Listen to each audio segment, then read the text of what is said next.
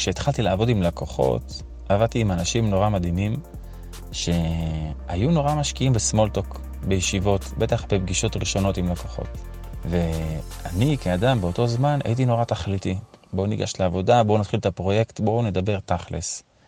וראיתי שהתהליך הזה, שהוא אפילו היה ביניהם תהליך טבעי, שקודם כל מקשקשים, ממש ככה, מנהלים איזה small talk, מוצאים איזה מכנה משותף, מכירים באופן אישי את הלקוח, הלקוח יכיר אותנו, ואחרי זה שיחת talk, רק אז גולשים לתוך הפרויקט.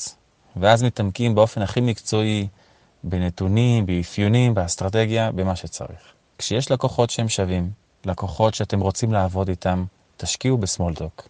אם יש לכם שיחת טלפון ראשונה, תשקיעו בסמולטוק. שימו דגש על איזו שיחה ראשונית. אם אתם נעים מאוד מהר לתחילת העבודה, זה יכול להיות בסדר. אבל יש פה איזה פספוס, יש פה איזה דגש שנורא חשוב לעמוד עליו.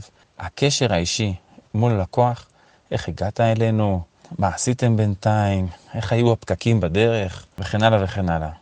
אל תדלגו על הסמולטוק, להפך, תהיו אנשי שיחה, תפתחו קשר אישי, תדברו קצת, מחוץ לעבודה.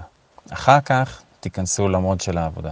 הייתי בפגישות שאפילו קשקשו שם 10, 15, 20 דקות. דיברו על כל מיני נושאים כדי לבנות איזשהו קשר אישי. לפעמים הרבה דברים צפים בסמולטוק, אבל גם כשדברים לא צפים בסמולטוק, עצם הקיום של השיחה הפשוטה של ההיכרות, יש לה משמעות עצומה.